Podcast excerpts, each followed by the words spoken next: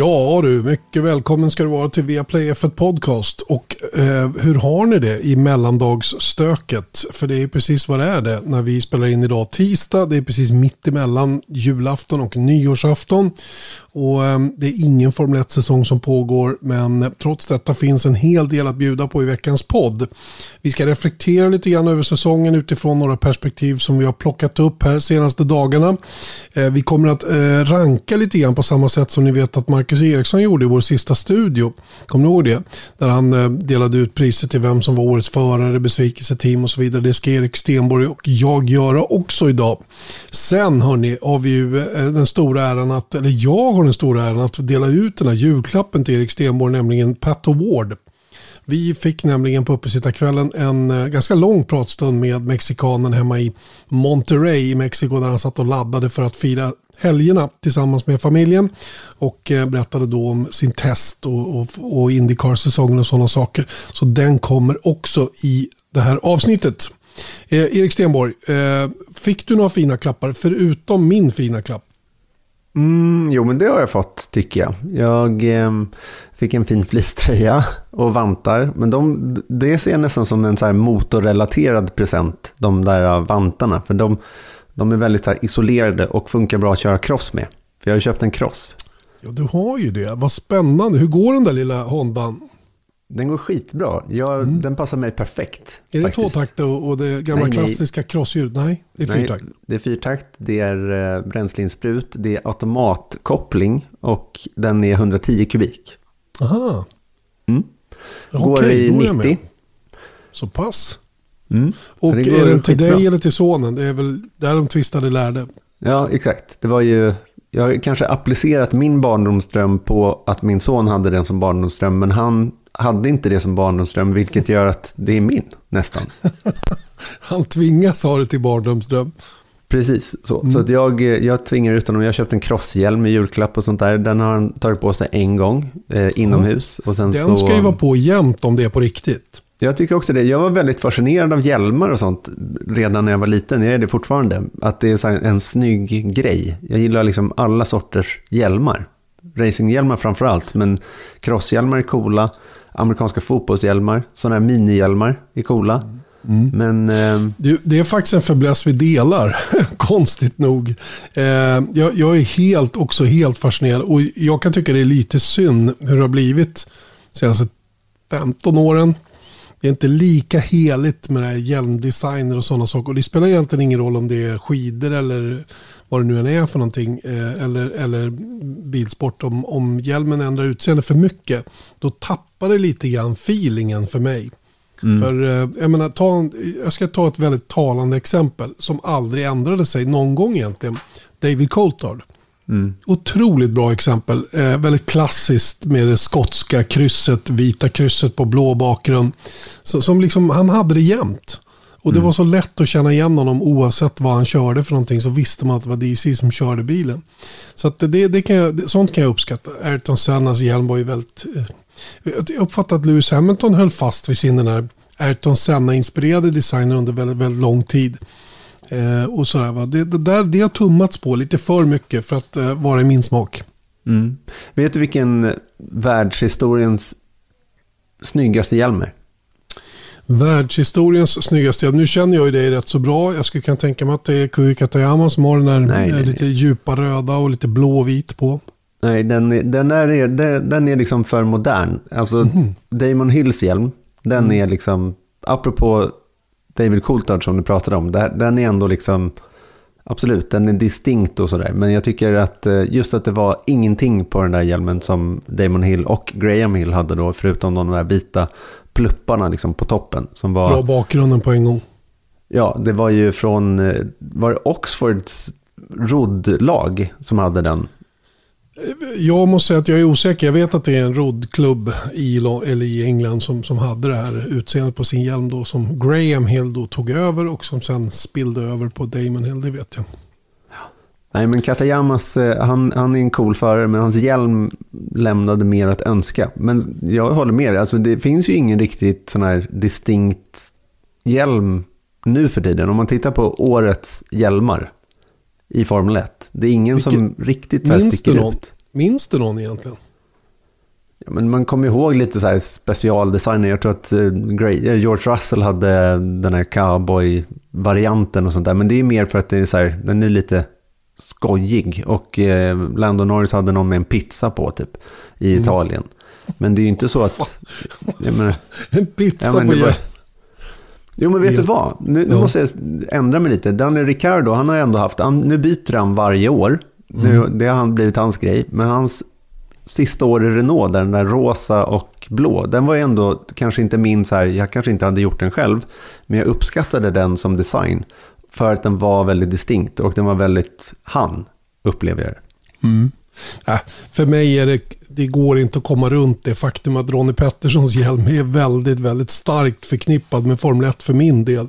Eh, den här eh, blå med de här gula strecken ner runt eh, nederkanten av hjälmen runt hela varvet och den här gula lilla skärmen som satt ovanför. Vi ser. Alltså det den är så, så fruktansvärt klassisk och oerhört förknippad med Formel 1 för min del. Så den, den, den är liksom alla tiders favorit för min del.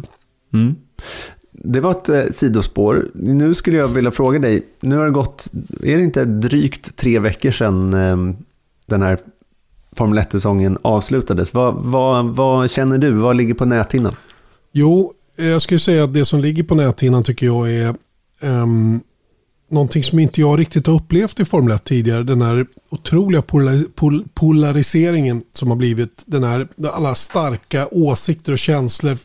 Pro eller con, de två som slogs om VM-titeln. Eh, något som har tangerat och likna hat till motsatta sidan. Och, och, och, som ett hat som är nästan starkare än kärleken till den man håller på. Och det där har jag tyckt eh, varit lite jobbigt faktiskt att hantera. Jag gillar inte det. Och jag gillar inte heller hur kollegor, vi själva också, blir betraktade emellanåt som några som liksom är någon slags lakejer som håller på den ena eller den andra. Där man tappar totalt förmågan att förstå att vi faktiskt jobbar med det här och, och, och har koll på de här grejerna och, och har förmågan att vara objektiva i vår bedömning. Sen kanske inte det överensstämmer med personen på andra sidans förmåga eller, eller vad den själv har för, för eh, preferenser och så vidare, eller tycker. Men det betyder ju inte att man är op eller att man är partisk för den skull. Och det där har folk lite svårt att skilja på nu för tiden, måste jag säga. Det, och det kan jag tycka är lite tråkigt att det har blivit så. Det, det är inte så sunt, eh, om jag ska vara riktigt ärlig.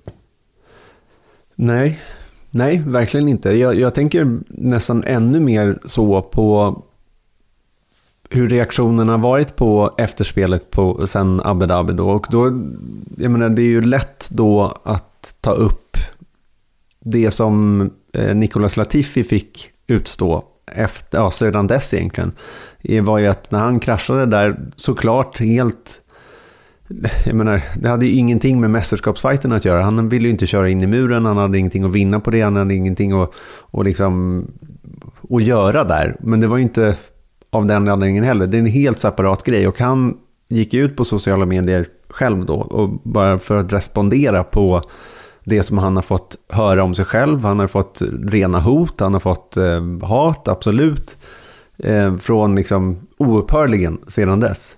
Och då gick han ju ut och egentligen sa att så här, det här är inte okej okay, och han har ju fått otroligt mycket stöd då. Men det är också lite den här grejen att visst, sociala medier det är, det är ju någonting förhållandevis nytt. Men jag tycker samtidigt att den här nivån av, av liksom attacker som kommer.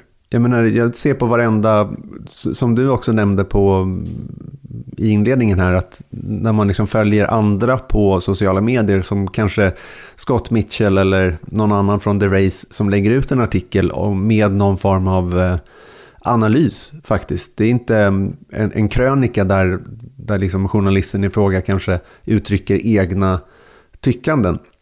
Utan det handlar mer om att så här, så här kan man se på Michael Masis beslut i, um, under Abu Dhabis Grand Prix. Då blir ju påhoppen nästan 50% skulle jag uppskatta det till på Twitter till exempel. Som är bara så här, du är din jävel. Liksom. Vilket är en, en, det är någonting för mig ganska nytt. Visst, det har existerat under lång tid, så länge liksom Formel 1 och eh, de som följer Formel 1 har varit liksom aktiva på sociala medier. Men det har gått till en ny nivå, upplever jag det som.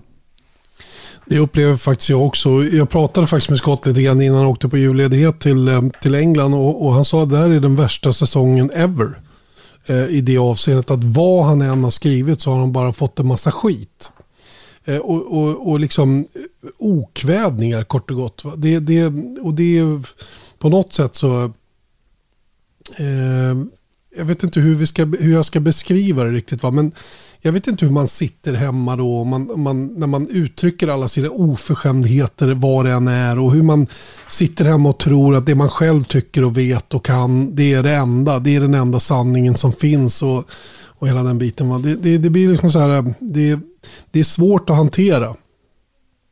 Samtidigt så ska man ju ha klart för sig att det här är ju någonstans i grunden är det ju någonting positivt. Det här engagemanget som finns runt sporten och runt de tävlande och hela den biten. Det är någonting som man om man, om man hanterar det här på ett bra sätt från båda sidor så att säga kan, kan ha stor nytta av. Men problemet är att det som jag sa tidigare att när tendensen blir att man hatar mer än man älskar vilket jag uppfattar att många andra sporter lider av också. Att man hatar mer motståndare när man gillar sitt eget lag. Då, då, då blir det liksom tokigt i min värld. Va? Då blir det helt plötsligt osunt. Va? Då borde man egentligen göra något annat. Än att mm. hålla på och kolla på sport. Eh, eh, faktiskt, generellt sett. Då, har man liksom, då är man snett på det. Och då, då fyller det inte utövandet för... Alltså, då fyller inte själva sporten någon, någon funktion på, på ett bra sätt. Och då, då blir det tokigt generellt. Jag tänker faktiskt på ett citat från någon sån här, det finns på YouTube, det är någon eh, kille, jag tror han är komiker egentligen, som gör en sån här keynote-adress på något eh, universitet. Det har de ju i Australien och i USA, att de bjuder in någon namnkunnig människa som får delge sina livserfarenheter till den här utgående klassen. Och då, då är en av hans grejer, nu kommer jag minns inte hans namn, men han säger någonting som är som jag försöker tänka på i alla fall. Och då, då är det Define yourself uh, with what you like, not what you dislike. Exakt. Det, det är det där som, det är så mm. rätt. Det är så, förlåt att jag avbröt men det är precis det det handlar om. Mm. Ja, men det, vi, vi har pratat om det så mycket också, att så här, Formel 1 är så här, ja, men vi skojade lite om det, att, att om du är Hamilton-fan och ska åka till Sandfort, Eh, då kanske du ska akta dig lite grann. Men det, var ju, det har aldrig varit på allvar. För att jag menar, sett till prof, europeiska proffsidrotter, jämfört med fotboll till exempel, så finns det ju inga liksom, firmor Huliga, eller liksom... Nej, ingen huliganism. Ingen det finns ingenting sånt. Men jag tycker liksom det här kanske är någon form av, utan att dra det alldeles för långt, så är det ändå så där att när det blir så här så, så är man inte speciellt långt ifrån. Även om man, om man agerar annorlunda bakom ett tangentbord än eh, liksom face to face med någon annan. Men jag menar, samtidigt om det är, jag menar det har varit, Hamilton har fått utstå det många, många år nu med burop när han har vunnit ett, ännu ett race liksom och sånt där. Det kanske har varit liksom främst en besvikelse över att han har varit så dominant de senaste åren. Men jag menar, även i år så har det varit burop. Framförallt mot Hamilton till exempel. Och det, det, det är ju någonting också Hej, jag Ryan Reynolds. På Mint Mobile, we like to do the opposite of what Big Wireless does. They charge you a lot, we charge you a little. So naturally, when they announced they'd be raising their prices due to inflation, we decided to deflate our prices due to not hating you. That's right. We're cutting the price of Mint Unlimited from $30 a month to just $15 a month. Give it a try at mintmobile.com slash switch. $45 upfront for three months plus taxes and fees. Promote for new customers for limited time. Unlimited more than 40 gigabytes per month. Slows. Full terms at mintmobile.com. också relativt nytt. Och mm. jag tycker att det är, en, det är, en, tråkig utveckling. Sen så kanske det är en ofrånkomlig eh, utveckling när man tittar på när intresset växer för den här sporten. Det var ju stort från början men det har ju absolut växt. Och det kanske är det som tyvärr då hänger med i, mm. i ett intresse, ett, ett större intresse svansen. Det, blir, det är svansen på det så att säga. Och det, det är som sagt, återigen, det är ju någonting i grunden väldigt positivt att folk är engagerade och tycker det är kul. Men, men eh, det, det, har, eh, det har bitvis i år tycker jag tenderat att bli lite sådär, det är på gränsen till det tillåtna. Mm. Och eh, jag tror att alla, alla, jag säger inte att våra lyssnare eller det, men sitter du där hemma och funderar lite grann över hur har du uttryckt det och, och var uttrycker du det och på vilket sätt du uttrycker det eh, och till vem? Eh, för in, innan du gör det, alltså respektera den du ska uttrycka det till. Det är väl egentligen det som det handlar om egentligen, att ha någon form av generellt upp, upp, något generellt hyfs som, som gör, då blir ju liksom livet mycket roligare. Sen, mm. sen eh, ser jag att en del hävdar då att jo, men det är ju det, det tillhör spelet, det piggar upp eh, debatten och ditten och datten. Ja, visst gör det det, va? men det, det är ju så länge du inte är på motståndarsidan eller, eller sitter alldeles ensam, typ Michael Masi eller Nicolas Latifi och tar emot all den här skiten. Då är det inte så jävla roligt med den här debatten, för det är ingen debatt, utan det är bara det är rena jävla dumheterna. Ja. Och det är sånt som jag tycker människor rent generellt ska, ska ta till sig och fundera lite över hur man agerar.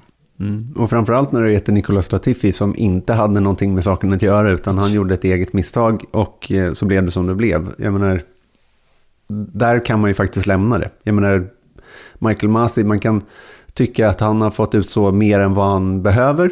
Eh, sett till liksom hur, hur, apropå hur folk har uttryckt sig. Uttryckt sig.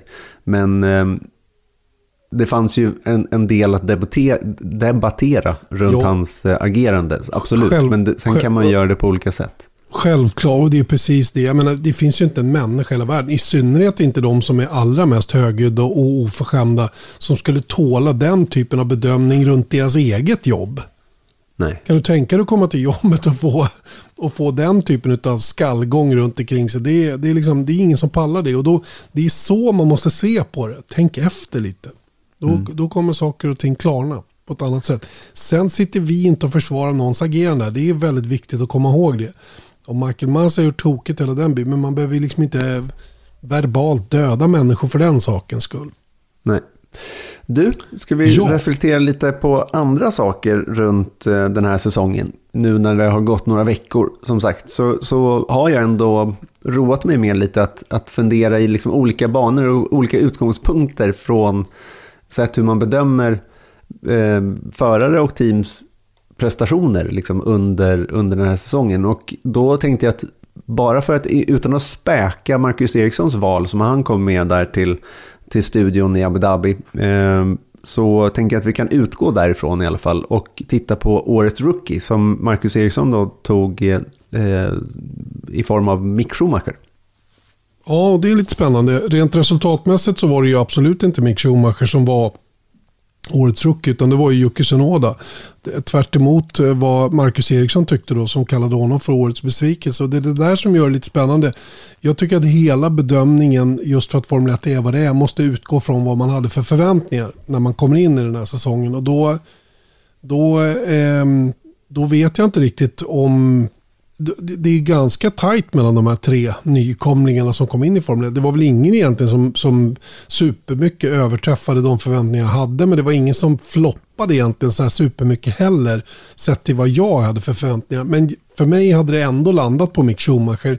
Jag tycker han gjorde en, en, en solid prestation under året. I svagt material. Eh, gjorde en hel del egna misstag, ska inte glömmas bort faktiskt. Det är lätt att göra det när det är ett sånt stort namn. Man ser gärna mellan fingrarna på hans misstag, ser inte så mycket mellan fingrarna på Mazepins misstag. Men, men ändå, sett till prestanda och fart jämfört med Mazepin så var Mick Schumacher mycket, mycket bättre. Frågan är bara om vi bedömde Jocke Senoda på ett korrekt sätt. Vad säger du om det? Jo, men och där hade ju Marcus Eriksson honom som årets besvikelse. Jocke Sunoda alltså. Och jag kan tycka, och nu kom han fyra i, det var ju nästan lite rolig timing att han kom fyra i Abu Dhabi. Eh, vilket nästan glömdes bort, tyvärr då, på grund av, eh, eller tack vare, den här fighten mellan Verstappen och Hamilton. Men fram tills dess så tycker jag ändå, och då tänker jag på den här ingångsvärdet.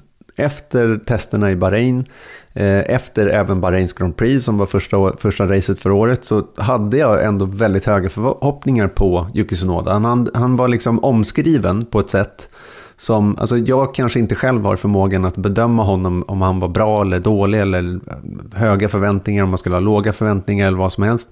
Men med tanke på hur det gick under testerna, hur folk som förstår det där bättre än vad jag, inte minst teamet. Det är klart att de pratar i egen sak, men de var ändå väldigt eh, liksom, hyllande i sitt, eh, sina ordval runt Sunoda efter testerna och efter Bahrain, där han faktiskt tog poäng. Efter det så kom det ju bara liksom krasch efter krasch, efter misstag efter krasch. Och jag menar, han, han lyckades ju inte med någonting egentligen åtminstone fram till augusti, skulle jag säga, när han liksom ibland sprattlade till och sen så Abu Dhabi då. Så att om man bara bedömer honom på Abu Dhabi, ja men då är han ju årets rookie. Men fram tills dess så hade han ju, titta på, på liksom skillnaden mellan honom och eh, Pierre Gasly. Då tycker jag att eh, absolut att man kan, man kan eh, konstatera att han var en besvikelse. Om man tittar, jag har lite statistik där framför, framför mig.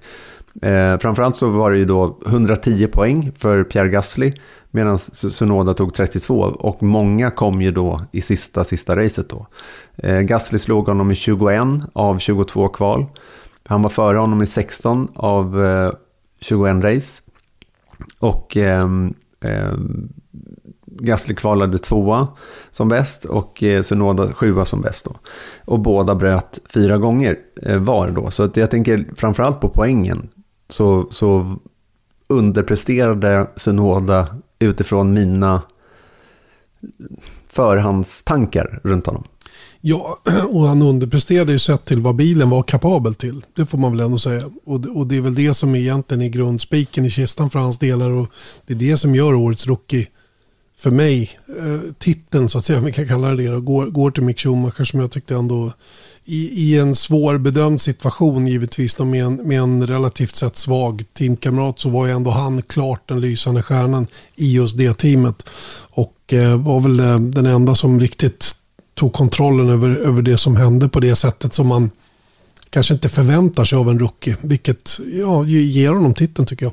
Ja, och kolla bara på kvalet så, så har eh, Schumacher då slagit Mazepin 20 av 22 gånger. I race så slog han honom 16 av 22 gånger då.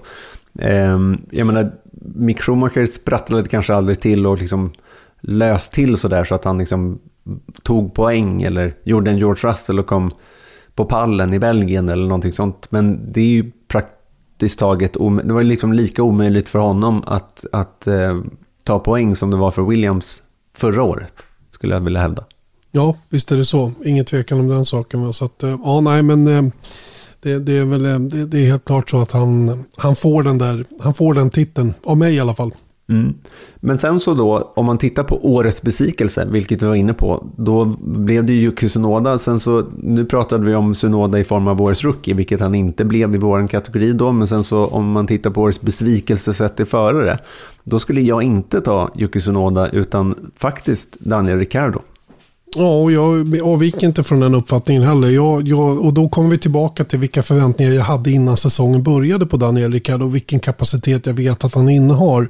Och att då inte komma längre i den här McLaren-bil oavsett anledning, det tycker jag är en stor besvikelse och jag hade förväntat mig mer av honom tillsammans med McLaren.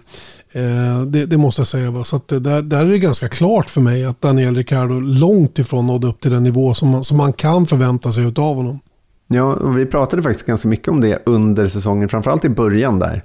Att han ska akta sig lite nu för att han kommer in i McLaren jag, vad jag minns så har han otroligt mycket högre lön än vad Landon Norris har. Till exempel. Vilket betyder då att, och visst, det är lång och trogen tjänst, han kommer in med mycket erfarenhet och sådär. Men när han då inte alls ens matchar Norris på generellt, så att säga. Han, han slog honom eh, där på, på Monza när, när eh, Ricardo vann då, men då kom ju Lando Norris tvåa samtidigt. Så att, och de tog faktiskt deras, eh, den enda dubbelsegern, alltså 1-2, eh, var McLaren som stod bakom, vilket är ganska extraordinärt.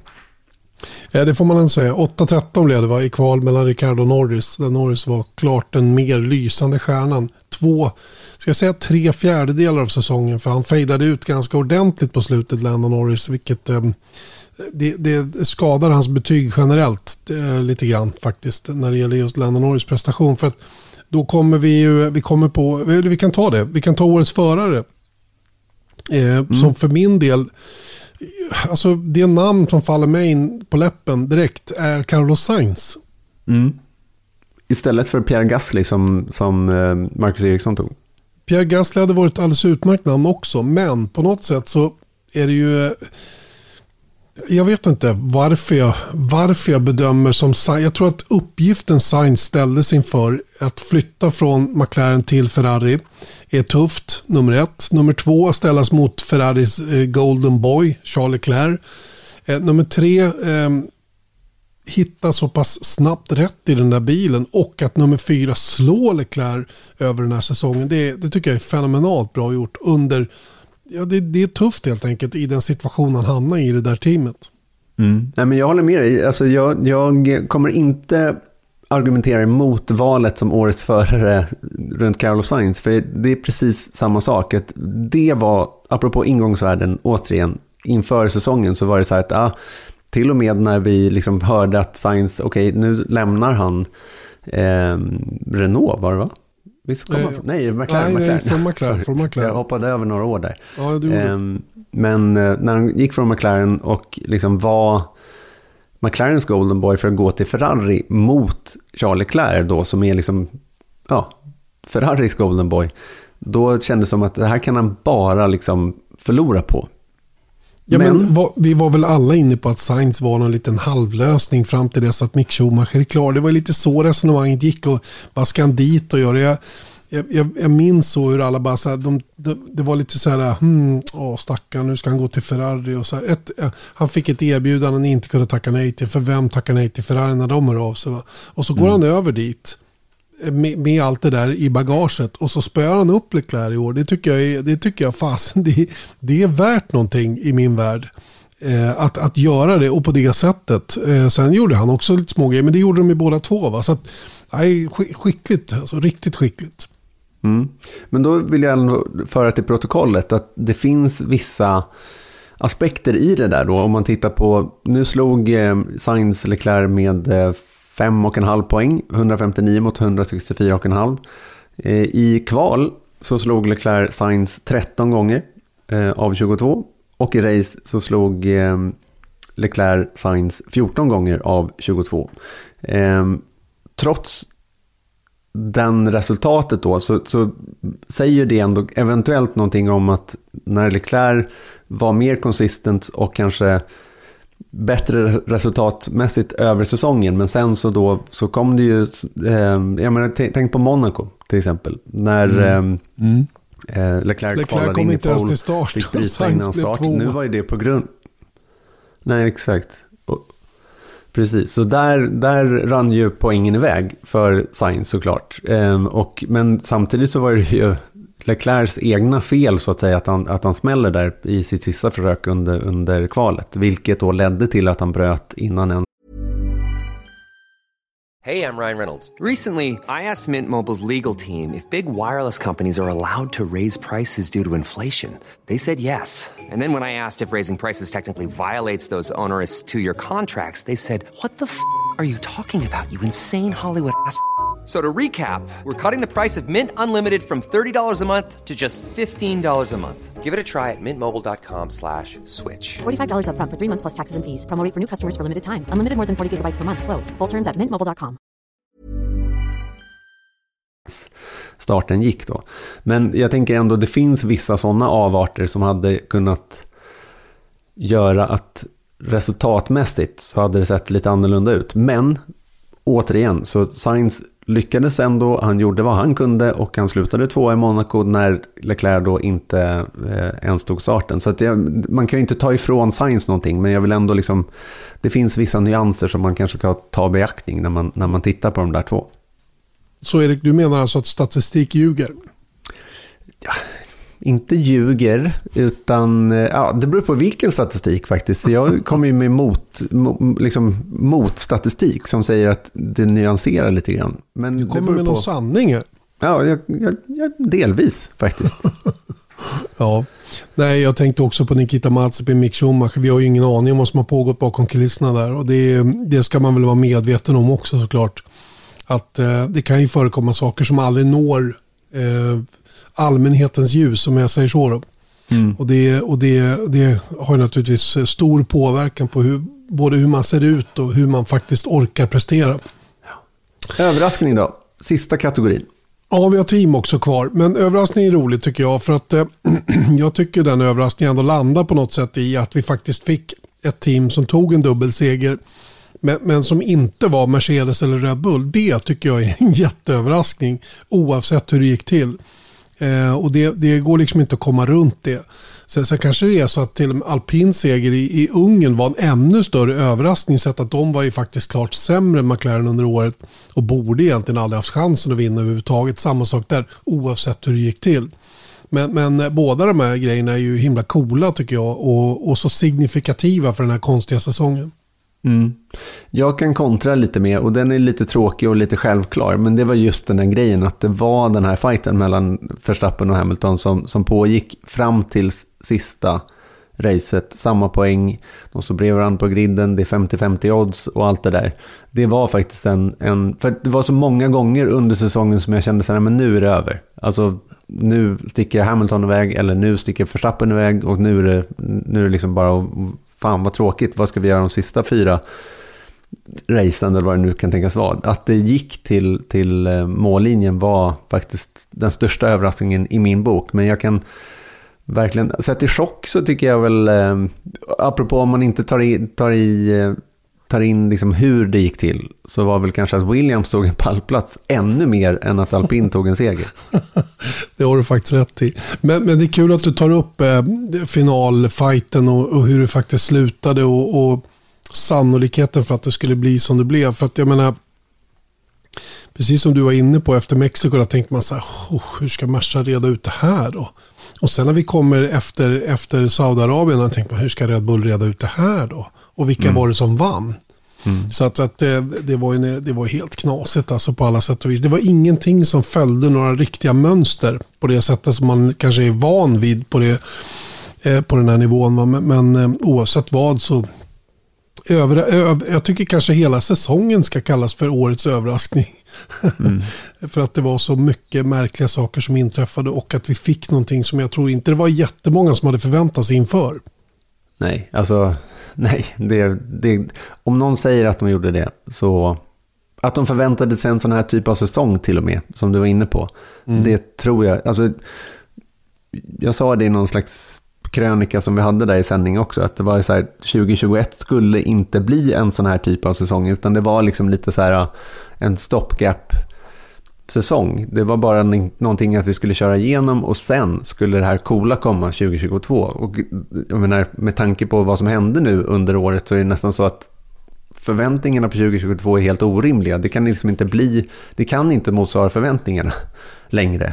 Så att 2021 kan nästan vara så, så att det liksom sätter käppar i hjulet för Formel 1 eh, nästa säsong. Liksom. Mm. Finns risk för det, absolut. Att man, har, eh, att man har för stora förväntningar på det som komma skall. Eh, sista då, årets team. Eh, vilka är årets team enligt ditt sätt att se på det? Mm. Det var ju...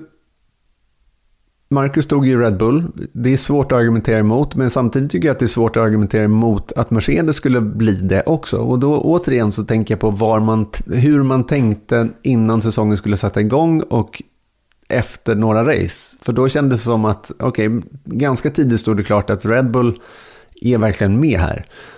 De kanske till och med är bättre. De är till och med bättre.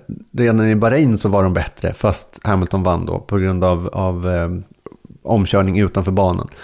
Eh, sen så ledde Hamilton i fyra de fyra första racen VM då. Men det var liksom aldrig något snack om att så här, men Red Bull är nog lite bättre. De är nog lite snabbare. Sen så har de vissa problem som de måste komma till rätta med. Men med tanke på hur Red Bull brukar liksom inleda säsongen och sen komma jävligt starkt andra halvan. Så trodde jag liksom att nej, men Mercedes kommer trilla bak. Och det var ju faktiskt så, om man tittar på det lite liksom, ja men vad som faktiskt hände så var det ju så att Mercedes var verkligen på bakfoten, upplevde jag det som, i större delen av säsongen. Förstappen eh, Verstappen vann fler race, han, han ledde VM under långt många fler race än, eh, än vad Hamilton gjorde. Ändå så lyckades de liksom inte knyta ihop det. Jag menar, från mitt sätt att se det så borde de kanske ha knutit ihop det i Qatar. Men det blev inte så för att Mercedes hittade saker hela tiden och fortsatte att kämpa hela tiden. Vilket gör att ja, men, kanske Mercedes skulle förtjäna den där titeln lika mycket som Red Bull. Men samtidigt så var det ju så att eh, att eh, Red Bull ordnade, oavsett hur det gick till, så ordnade de ett, en för-VM-titel. för första gången sedan 2013 som någon annan än Mercedes vann. Nu vann Mercedes konstruktörs-VM för åttonde gången i rad Då, fine. Det, det är svårt att, eh, jag tycker båda skulle ha den där titeln. Ja, du har ju pratat om de två toppteamen. Jag skulle vilja nämna några andra team som jag tycker också har, eh, liksom, de är i alla fall nominerade. Och eh, det är Ferrari. Eh, som studsar tillbaka ifrån den sämsta säsongen på 40 år som de hade 2020. Mm. Och blir trea igen då. De hade naturligtvis inga möjligheter att nå hela vägen fram. Det är ju någonting som få team klarar av faktiskt att, att reda ut. Eh, en sån vändning på det hela. Men jag tycker också att Williams repade sig något alldeles vansinnigt från ett urdåligt läge som de har haft så många år. Visserligen med lite fräscht kapital in i teamet och hela den grejen. Men det var några prestationer under året som både Williams som team och, och framförallt George Russell stod för som, som gör att man, man kan lyfta fram dem också i den där kategorin. Va? Sen går det inte att komma bort ifrån att eh, vinna VM eller vara med och slåss om VM-titeln naturligtvis väger väldigt, väldigt tungt. Men för mig så blir faktiskt årets team, sett till förbättringen de gjorde från ett år till ett annat, det blir Ferrari. Eh, och eh, jag tycker de förtjänar det rakt igenom. Jag ser någonting hos Ferrari som inte jag har sett på många, många år. Eh, någon form av eh, samhörighet. Alla jobbar mot ett mål. Man vill någonting. Det är inga kontroverser. Man har två väldigt, väldigt bra förare. Återigen eh, eh en förare eh, i form av Carlos Sainz som bidrar till god stämning i teamet. Det är lite kul för överallt där han har varit så är det god stämning uppfattar jag det som utan att ha den här otroliga insynen i det. Men, men utåt sett i alla fall så, så verkar det så var han är så sprider han någon form av aura runt sig som, som är positiv för teamandan. Ja, han gör lite tvärt sin landsman Fernando Alonso. Ja, ja, fast jag tror att Fernando har ändå vänt på steken lite grann och börjar vara lite på det sättet själv han också. Eh, kanske han har insett att det är det som krävs, ingen aning. Va? Men, men jag uppfattar att även han börjar bli en teamplay. För teamsamarbetet vi såg hos alpin i år, det är kanske den allra största överraskningen under året. Eh, där, där, eh, hur de jobbade för den där segern i Budapest och hur de försökte eh, och, och, lyckades faktiskt rädda pallplatsen också i, eh, i eh, Saudiarabien? Mm. Det är sånt imponerande, eller om det var Qatar, spelar ingen roll. Det var, det var i alla fall himla coolt att se. Det var ovanliga saker för att vara Formel 1. Ni lyssnar till Viaplay F1 Podcast, Janne Blomqvist, Erik Stenborg. Där vi nu är klara med att gå igenom vilka team som har varit starkast, eh, besvikelser, förare och så vidare. Vi har även pratat lite grann om polariseringen i Formel 1 som vi upplevt som inte kanske är så charmig med sporten, men som blir naturlig då när man har två så starkt lysande stjärnor som slåss mot varandra. Eh, nu ska vi istället prata med en annan lysande stjärna, nämligen mexikanen Pat Ward, teamkamrat med Felix Rosenqvist i McLaren Arrow McLaren SP, som teamet heter då i, i Indycar. Han fick ju chansen att testa Formel 1-bil för första gången i Abu Dhabi och eh, frågan är naturligtvis allra först hur han fick till den här testen. So this test, um, so this came about in a bet that I had with Zach um, at the beginning of the year. He said, "You've gotten a third, you've gotten a second, you have not won yet. If you win, uh, we'll put you into the F1 car at the end of the year in Abu Dhabi."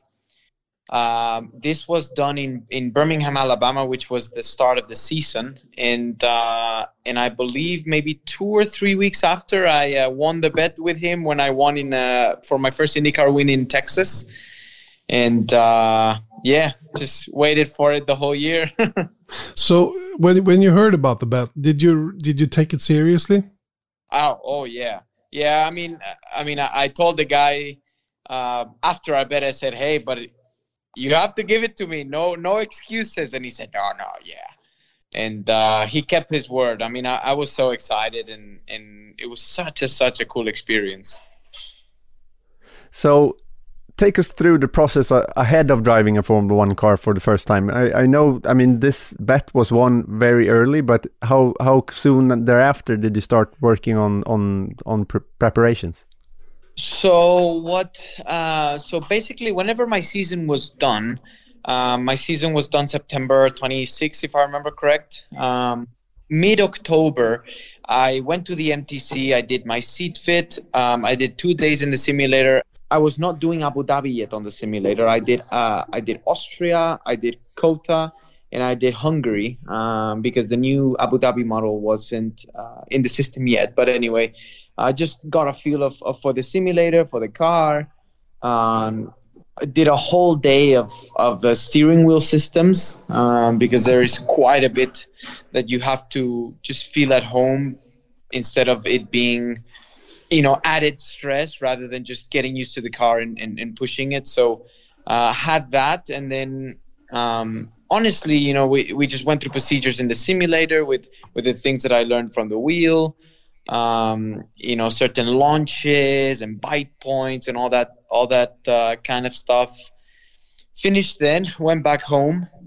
Um, and then before I went to Abu Dhabi in December, I I, uh, I, stopped in London for two days and I did one day of simulator and just a refresh with all the systems uh, that I had been memorizing the the month before, and um, and that was it. You know, did a whole day of, of Abu Dhabi, and then uh, and then I was there for the race weekend, and then uh, got to drive the beast. Uh, listen, I uh, I'm wondering. Um, I mean, we have heard from Marcus Ericsson how the the difference is between a Formula One car and the Indy car, and going that way. But you're going the other way. What was was the steering wheel the challenge, or was it the physical aspect of it the biggest challenge? What was it? The difference between the Indy car, which is a beast as well.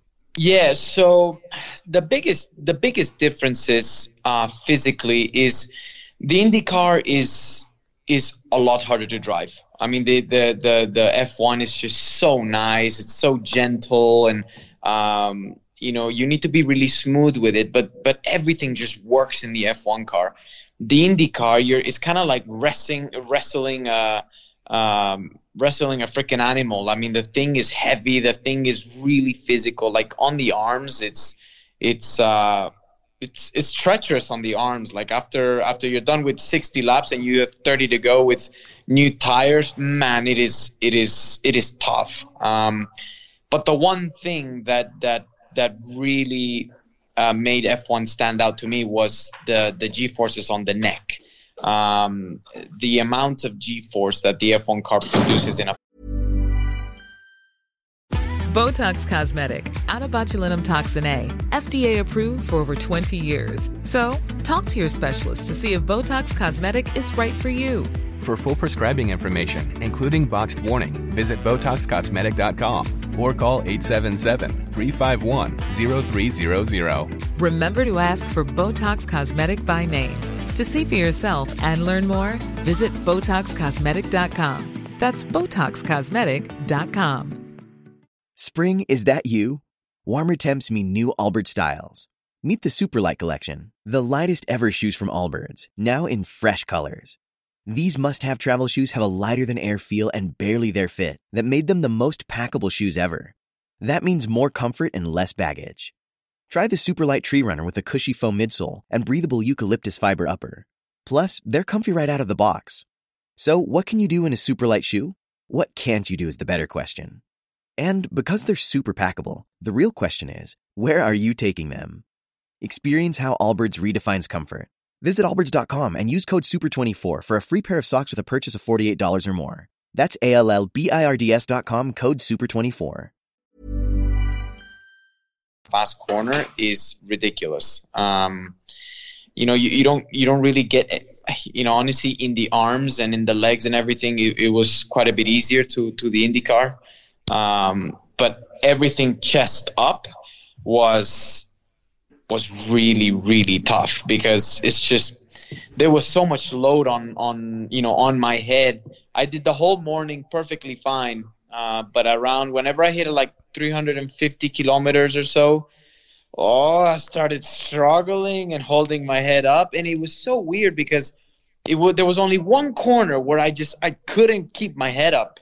Um, and it was a it was a very weird it was a very weird compression. It's kind of like a roller coaster when you're going up and then you go all the way down and then when you go back up that compression that you feel your body kind of like compress.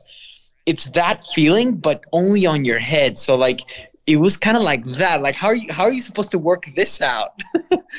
um, but it's crazy, man. I mean, it, it was it was a really really cool experience to to feel that. How about braking then? Because that's what you hear a lot of people say that that has dr driven a Formula One car for the first time. That braking really stands out as well.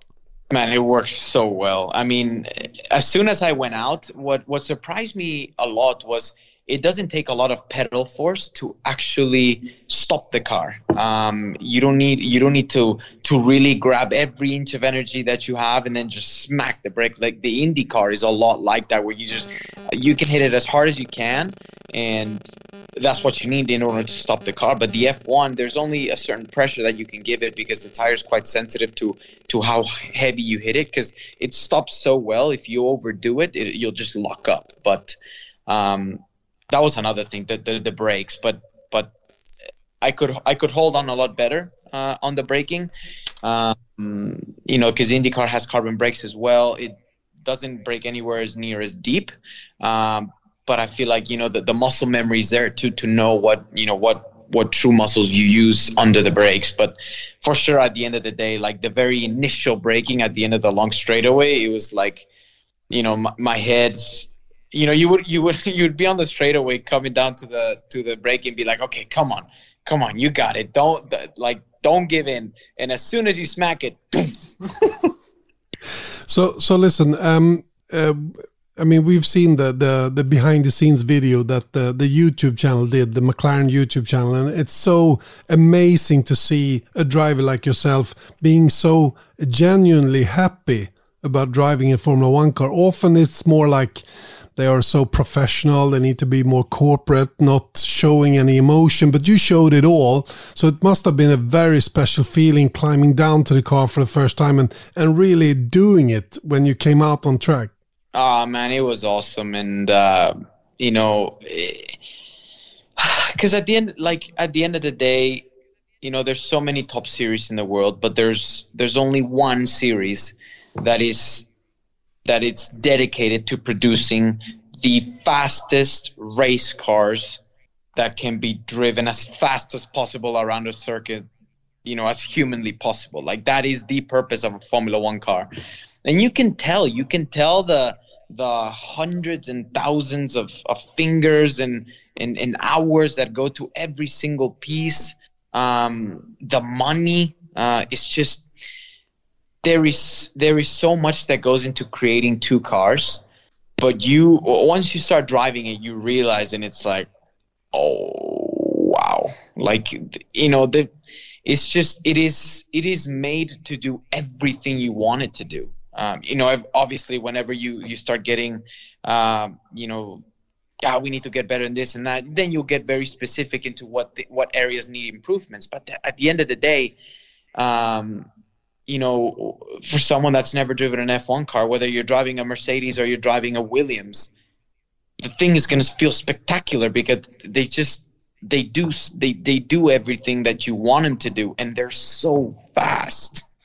How how fast were you? I mean, how close to the limit of the car did you feel personally that you that you got to? So uh, honestly, in the in the morning, I I, uh, I, I, had some very solid runs with with the medium tire. Um, at the end of the day, you know, to be fairly honest, um, I just couldn't hold my neck up in, in, in, two corners, in two corners that, you know, whenever you're looking for those extra little bit of tens, you need your eyes to be able to see where you're going. And, um, you know, those, those little bits and pieces where you, where you just smack down and then, you know, try to look back up, you, you lose that reference a little bit and you can't really get that last little bit out of it. But, um, you know, I, I felt very solid. I, I, I felt very at home. Um, I think I was right on pace with uh, practice three times with what Lando and Daniel were doing. So I think, um, so I think that was good. Um, you know, but you know everything else will come with time, just because you know I've, ne- I've never truly driven an F1 car like that. So it's it, it for sure takes a bit more than a day to to be able to extract everything out of it. But um, you know, definitely at the end of the day, I didn't think like the car was laughing at me anymore uh, too much. Uh, in certain areas, it was still kind of like, Haha, you know, I could go faster, but it, I think it just comes with confidence and, and really knowing what the car can do. So, so uh, where did you get did you get some feedback from the team on your on, your on your um, on your uh, performance on track, or was it just uh, was it just a test made for you to relax and enjoy the ride? No, they they they came back to me and they, and they, they seem very happy and you know, obviously there's things that have to be improved here and there, but they said you know everything all of this will come with time. You can't just jump into an F1 car and expect to be right on pace with you know with someone that's been driving it for um, you know three, four, five years or for the whole year. Um, so they they seem quite happy. You know, I ended the the day very happy just because. Uh, I didn't bend anything, um, and and I was able to to truly enjoy and um, and and you know push the car to to to to a, a, good amount of its limits to really see what it's all about. But you you mentioned time, Pato. Uh, you need more time in the car. Will you get more time in the car? You think? Uh, I hope. I, I, sure hope so. I don't know what the what the plans are uh, with the, with the team, but you know, I, you know, I a lot of people have been asking me, you know, when F1 or, or, or do you want to go F1? And, and honestly, th- that window is closing fast. Um, there's only, you know, one maximum two years for me to make the jump. Um, and and I feel like I'm very capable in into doing that jump and, and doing just fine. I'm not gonna jump in and, and, and be, uh, you know, straight away all the best, but you know, I, I, I know I'm capable enough to to just to be able to to achieve uh, great things just like I have in IndyCar. I mean, it's um, you know each series has its its own pros and cons and, and differences, but at the end of the day, I feel like um, I'm racing in a very very competitive series, probably the most competitive series in the world currently, just because of of of how close the teams can be and. Um, in terms of, I think driver pool, it's it's it's getting really really tough. Um, and and I think I've got I've had some some good success there, and, and you know hopefully this year we, we have even more success together. But um, you know I, would be lying if I said I, I wouldn't want to make the, the move to Formula One because you know in my life that that is what sparked the love of motorsports for me. You know F1 is is is what what made everything else uh, a, a passion for me. You know so so it's definitely something that I'd be very interested of if you know if the chance comes along. And you also did, uh, I mean, go in that direction previously before you ended up in IndyCar full time together with Red Bull and everything. So did you kind of feel that it was uh, out of the question of getting a chance in Formula One at this at this point? Ah, man, it's it's been such a ride. I mean, it, it's with the Red Bull stuff. To uh, honestly, the, the the big thing there was that they didn't want to give me my super license, so it kind of put both me and Red Bull in in a situation where um, you know what they had in plan for me couldn't go into effect just because I didn't have the, li- the the super license to be able to make the jump. Um, so then, you know, they, they said, you know, it's your future. You know, we, we can wait to do an F2 or an F3. I don't, I don't guarantee you a seat. And I said, well, I, you know, I need to go somewhere where I can make money and you know start a life. So, um, you know, SAC was was was uh, was an option for me, and and uh, called them up whenever Helmut said, "Hey, you know, you're free to go. You don't have to wait until the end of the year. Um, you know, take care of your future." And and and I called SAC and I said, "Man, I'm available. Do you do you want me or not?" And uh, we got it done within a few days after that, and. Um, I think I've done pretty okay. I would say so. I would definitely say so. You did really okay. You were a front runner last season in IndyCar and looking forward to the new season, I guess. Um, we know that you have a Swedish teammate who struggled a bit in that car. Uh, you took care of it uh, better. You, you, um, because what we've heard is that the McLaren IndyCar is a, is a tough, tough car to drive with the setup they have. Is that correct? Yeah, it's it's a really really tough car to drive, and it, there's it's a very small window of of operation, and I think that's um, and I don't always get it right. You know, sometimes it's it's just it's it's it's it's been tough. It's it's been very very tough, and um, you know we we've been working really hard as a team to to take that next step because you know we're just we're not there where we're supposed to be. We're not there with a, a, car that that's that's yet to to be able to to be competitive every single type of racetrack. Um, we were very, very good in, in, certain racetracks, but in other ones we were very weak. And, and to win a championship in IndyCar, you need to be strong everywhere. Where do you do you expect to be able to fight for the championship this coming season again?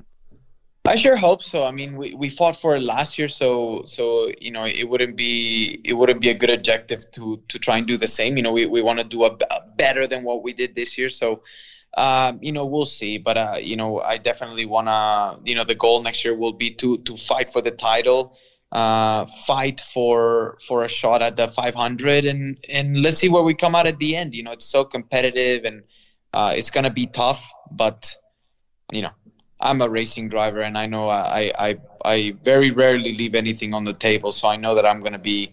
Um, you know, trying to to get everything, every every ounce of, of of pace that that car has, and, and hopefully that's enough to you know to put us into a little bit of a better position than we were last year or this year. Yeah, and it's a good thing because the IndyCar season ends in September, so you have a few months to do FP1s ahead of your F1 debut in 23. Then I guess that would be cool. Sounds like a great idea. Thank you so much, Pato, for being on our podcast. I love it. And I know that you're spending your time down in Monterrey uh, in Mexico and um, uh, spending your time with the family before Christmas and New Year's. And then all the preps for next season starts. Uh, appreciate it very much to, to, uh, to talk to you and uh, good luck with the next season. Awesome. Thank you guys so much. Have a great holiday. Ja, det var Pat Award det. Vilken härlig kille. Och som vi har varit inne på så många gånger tidigare, han är ju helt otrolig. Han är så genuin i vad han känner och tycker. Vilket gör honom extra kul att lyssna till faktiskt när han beskriver den här upplevelsen som han hade då i, i Formel 1-testet. Han sticker inte under stol med att han inte knappt kunde se någonting för att G-krafterna var så tuffa. Det brukar de ju annars smyga med lite grann att de har upplevt att det var jobbigt på något sätt. Men inte Pat Award, han är väldigt, väldigt tydlig. Hörrni, det får ta runda av veckans podd och vi, eh, vi ser fram emot en ny vecka nästa vecka och eh, nya tag. Vi ska Pratar prata lite grann om det här med arbetsbelastning mekaniker lever under med en allt eh, längre kalender. Det kom en artikel på Autosport i veckan där eh, de hade pratat med en anonym mekaniker som, som uttryckte oro över hur stor belastningen har blivit. Och vi har ju vår svenske före detta Formel 1-mekaniker Charlie Häggstam som kan mycket om det här ämnet. Så det hör ni mer om då nästa vecka. Men tills dess säger vi nu gott nytt år. Gott slut och gott nytt år. Så syns vi på andra sidan 2022. Ha det gott så länge. Hej då!